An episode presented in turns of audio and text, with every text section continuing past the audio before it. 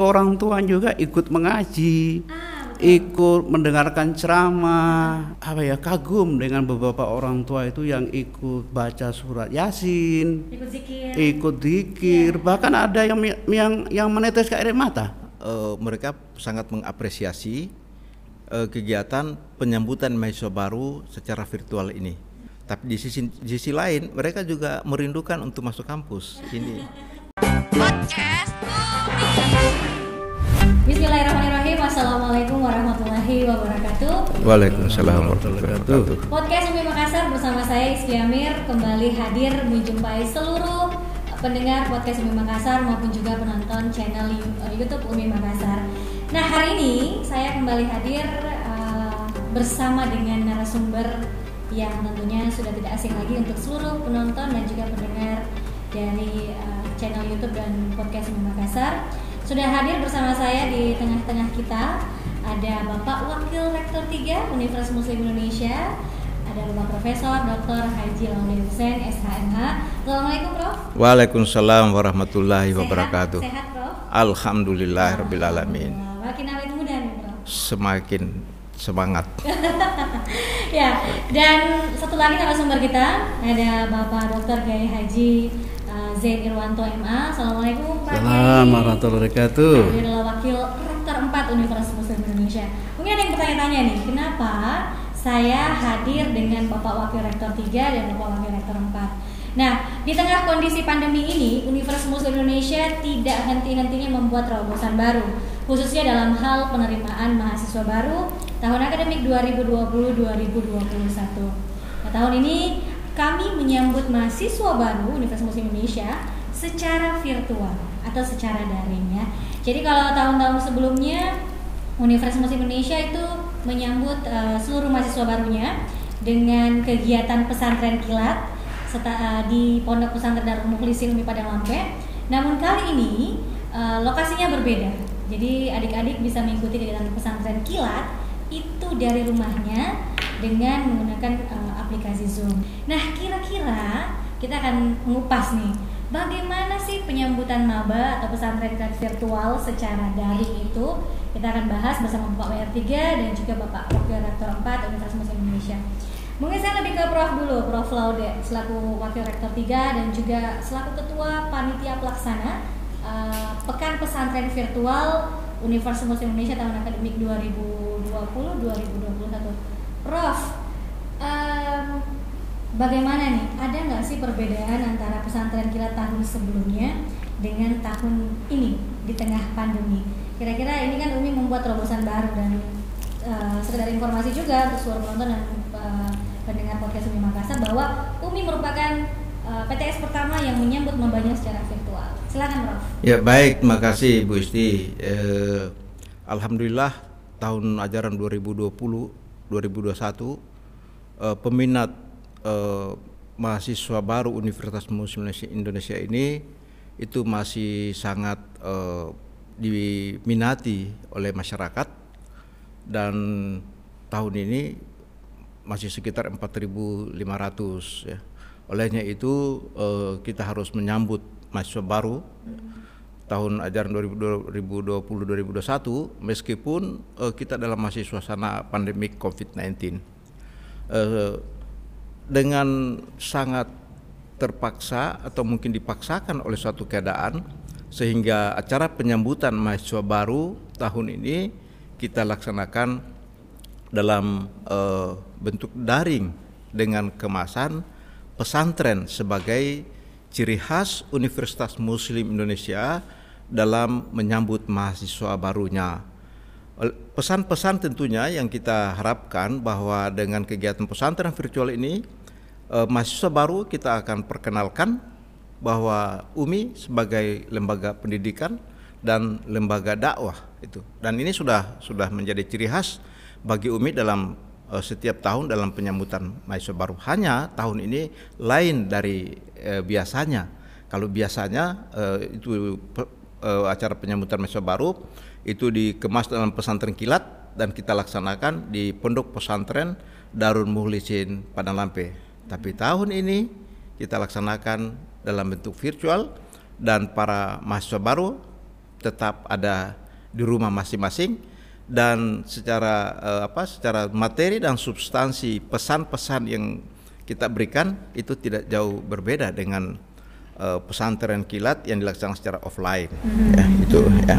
Jadi kalau uh, tahun-tahun sebelumnya nih Prof uh, pesantren kilat untuk mahasiswa baru kan itu dilaksanakan tiga hari dua malam ya di seperti yang uh, Prof sampaikan tadi di Pondok Pesantren Darul Muhsin. Nah, bagaimana dengan uh, tahun ini Prof? Iya. Kira-kira adik-adik ini uh, berapa lama untuk mengikuti pesantren uh, virtual? Ya, pesantren virtual yang kita laksanakan tahun ini itu berbeda dengan tahun yang lalu. Kalau tahun-tahun sebelumnya kita laksanakan dua malam tiga hari. Untuk uh, secara virtual kita laksanakan, kita padatkan materinya menjadi sehari saja. Kemudian ada kegiatan yang yang kita uh, cut itu kegiatan pada malam hari yaitu tapi uh, kegiatan pada malam hari itu kita geser uh, pada siang hari kita mulai dengan kegiatan ibadah ya zikir dan salat duha lalu salat uh, zuhur dan asar berjamaah.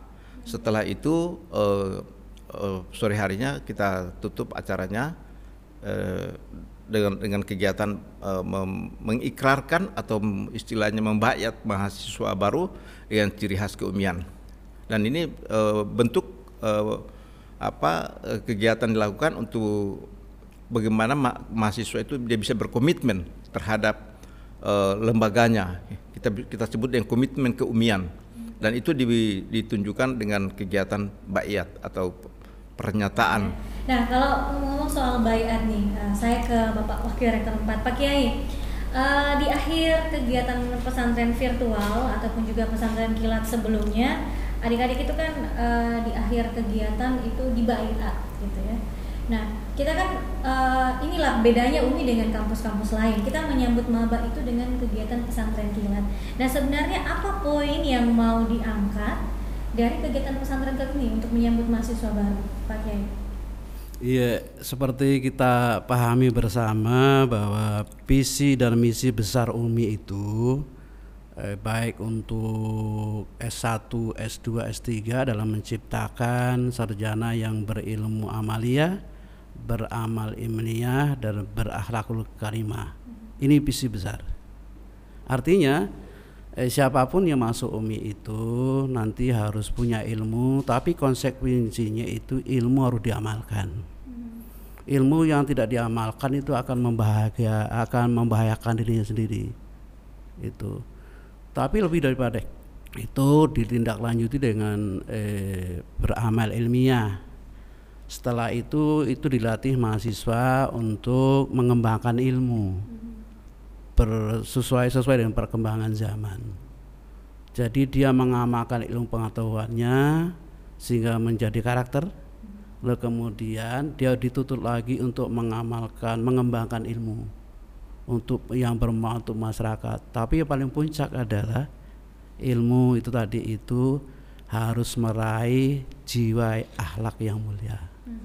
Karena itu pesantren ini titik awal, titik beratnya adalah eh, ilmu, amal dan akhlak yang mulia. Mm-hmm. Di pesantren kita ini dikembangkan 16 karakter utama. Hmm. Ta Iya, tapi nanti itu yang 16 karakter utama eh, eh akan disampaikan di pada lampe. Oh yang di virtual ini kita titik beratkan empat.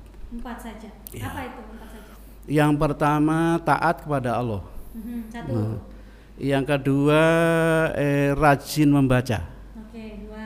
Yang ketiga peduli sosial. Peduli sosial. Yang ketiga peduli lingkungan. Lingkungan. Ya, kalau sudah tiga itu punya modal sudah hebat tuh mahasiswa. Dan itu bentuk pengamalan ilmu. Dan itu juga bentuk alakul karimah. Ya. Tapi uh, ada sih kira-kira Pak Kiai perbedaan ketika anak-anak mengikuti pesantren kilat hadir langsung di pondok pesantren dengan virtual? Maksud saya kita berbicara soal feel-nya gitu ya. ya. Kira-kira bagaimana? Kalau bedanya itu yang paling menonjol kalau di metodologi ya. Hmm. Kalau untuk penanaman karakter itu pertama adalah transfer ilmu. Diberitahu dulu karena orang tidak bisa melakukan sesuatu tidak ditahu yeah. mana yang baik mana yang buruk. Yang kedua harus ada keteladanan, terutama bagi mereka yang mengajarkan. Nah, yang ketiga itu pembiasaan. Nah, yang di Padalampik tidaknya jalan. Yang di sini lebih banyak kepada pembiasaan karena waktunya saja. Ya, dibiasakan membaca Al-Quran, dibiasakan zikir, dibiasakan berdoa sebelum dan sesudah mengerjakan sesuatu. Ini di sini karena waktunya satu hari aja. Tapi kalau yang 40 hari itu itu tiga-tiganya kompak itu pengetahuan, keteladanan dan pembiasaan. Itu sehingga sinergik itu. Dia tahu, lalu yang kedua eh, itu pengetahuan dia tahu, dia bisa memberi teladan kepada orang lain. Yang kedua biasa menjadi karakter karena sudah biasa bisa ala eh bisa ala biasa kan hmm. uh, uh, itu jadi uh, memang untuk seluruh pendengar uh, podcast Makassar dan penonton channel YouTube Makassar uh, kita sudah berada di angkatan ke-6 ya Prof ya Iya sekarang kita masuk angkatan ke-6 angkatan ya. ke-6 dan itu sudah hampir 3000 lebih mahasiswa 3000 4000 lebih ya Prof ya yang sekarang ini sudah terdaftar sudah memasuki angka 4 ribuan 4 ribuan itu semua seluruh mahasiswa UMI harus wajib mengikuti kegiatan pesantren kilat virtual ini. Nah, selama enam angkatan ini, Prof, kira-kira apa uh, testimoni dari adik-adik mahasiswa yeah. baru yang mungkin pernah Prof dengar? Iya, memang uh, setiap angkatan kita lakukan post test yeah. setiap peserta itu mengisi kuesioner tentang kepuasan terhadap pelaksanaan pesantren kilat ini. Dan pada umumnya uh, mereka sangat mengapresiasi uh, kegiatan penyambutan mahasiswa baru secara virtual ini. Karena mereka tidak harus ke kampus karena memang karena suasana pandemik, tapi di sisi di sisi lain mereka juga merindukan untuk masuk kampus. Ini ini yang menarik gitu ya. Mereka rindu masuk kampus, mereka ingin lihat langsung uh, fakultasnya masing-masing, program studi masing-masing, tapi uh, itu mereka tidak bisa lakukan.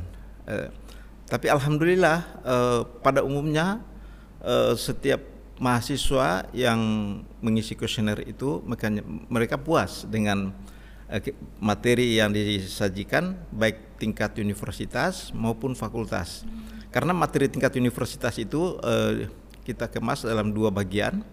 Yang pertama adalah uh, kita ajak kita mengenalkan mahasiswa bahwa UMI mempersiapkan diri untuk masuki dunia baru, uh, merespons revolusi industri 4.0 dan, dan sekaligus merespons uh, pandemi COVID-19. Yang kedua kita perkenalkan bahwa UMI telah siap untuk menjadi perguruan tinggi berkelas dunia. Itu yang kita sajikan. Kemudian materi yang kedua itu materi yang terkait dengan komitmen keumian. Itu yang kita sajikan selama satu hari penuh. Kemudian uh, setelah menjelang sore itu mereka uh, disajikan materi pada tingkat fakultas dan program studi. Di sana uh, mereka diperkenalkan tentang kondisi fakultas masing-masing sampai program studi masing-masing, bahkan pada sampai pada kelembagaan tingkat mahasiswa. Alhamdulillah semua uh, menyambut dengan dengan baik ini ya, kegiatan pesantren virtual ini. Hmm. Dan semuanya uh, senang ya Pak ya. Prof ya mengikuti pesantren kita secara virtual. Yes, mereka sangat sangat senang, sangat enjoy karena mereka tidak tidak harus ke rumah mereka dan semua kegiatan uh, penyambutan meso baru mereka mengikuti dengan dengan sukacita. Oke, okay. ya. dengan sukacita. Tapi uh, di sela-sela kegiatan pesantren virtual ini selama satu hari uh, itu kan ada kegiatan sholat berjamaah dan zikir berjamaah nih Pak Kiai. Apakah kira-kira tidak mengurangi uh, apa ya sebenarnya kekhusyukan ketika anak-anak mengikuti secara virtual? Iya juga. Ini satu hal yang eh, membahagiakan dengan virtual ini karena yang menjadi saksi itu bukan Allah aja, hmm. Tapi orang tua juga ikut mengaji, ah, ikut mendengarkan ceramah dari para pembina OMI, dari rektor. Hmm. Saya agak apa ya kagum dengan beberapa orang tua itu yang ikut baca surat yasin, ikut zikir, ikut zikir yeah. bahkan ada yang yang yang menetes air mata. Dan itu tidak tidak sedikit jumlahnya. Ini apa artinya bahwa pesantren virtual ini bisa melibatkan seluruh lapisan masyarakat. kalau di Padang Lampik kan cuma eh, mahasiswa aja. Iya, Tapi ketika vir, ya ketika virtual hampir seluruh keluarga itu menyaksikan bahwa saya lihat itu ada beberapa keluarga, satu keluarga, anak-anaknya, neneknya, bapaknya itu ikut subhanallah. Ikut berzikir, ikut mengaji. Inilah bentuk-bentuk rahmat Allah yang tidak kita pernah pikirkan sama sekali. Alhamdulillah ya. Mungkin di awal-awal kita takut gimana ya cara-caranya anak-anak ini ikut pesantren virtual itu kayak bagaimana. Iya. Tapi ternyata di luar itu eh, banyak hikmah yang kita bisa dapat. Iya, yang penting lagi itu kan sebelum kita melakukan zikir umpamanya mengaji itu pengarahnya lincah. Diarahkan dulu. Zikirnya gini, caranya gini, hatinya harus connect dengan otaknya, otaknya harus connect dengan lisan. Kalau lisannya udah pasai mengucapkan, lalu otaknya mengerti, hatinya husuk hudur, di situlah terjadi kontak yang luar biasa beribadah kepada Allah. Dan itu terjadi di virtual ini subhanallah. Nah, alhamdulillah.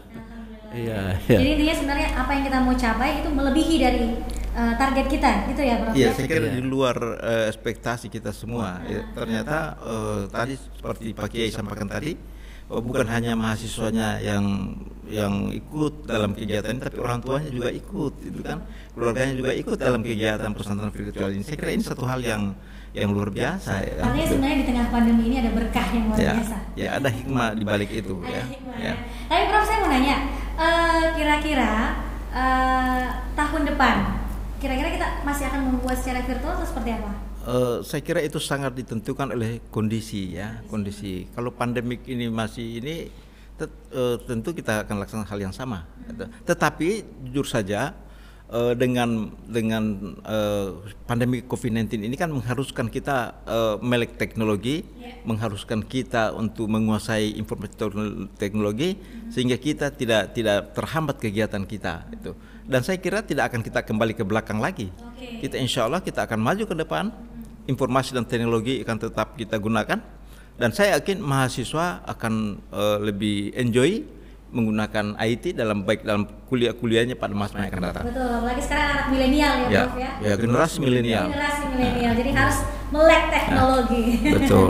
Walaupun sebenarnya kegiatan pesantren ini tidak mengurangi faedahnya dengan secara virtual.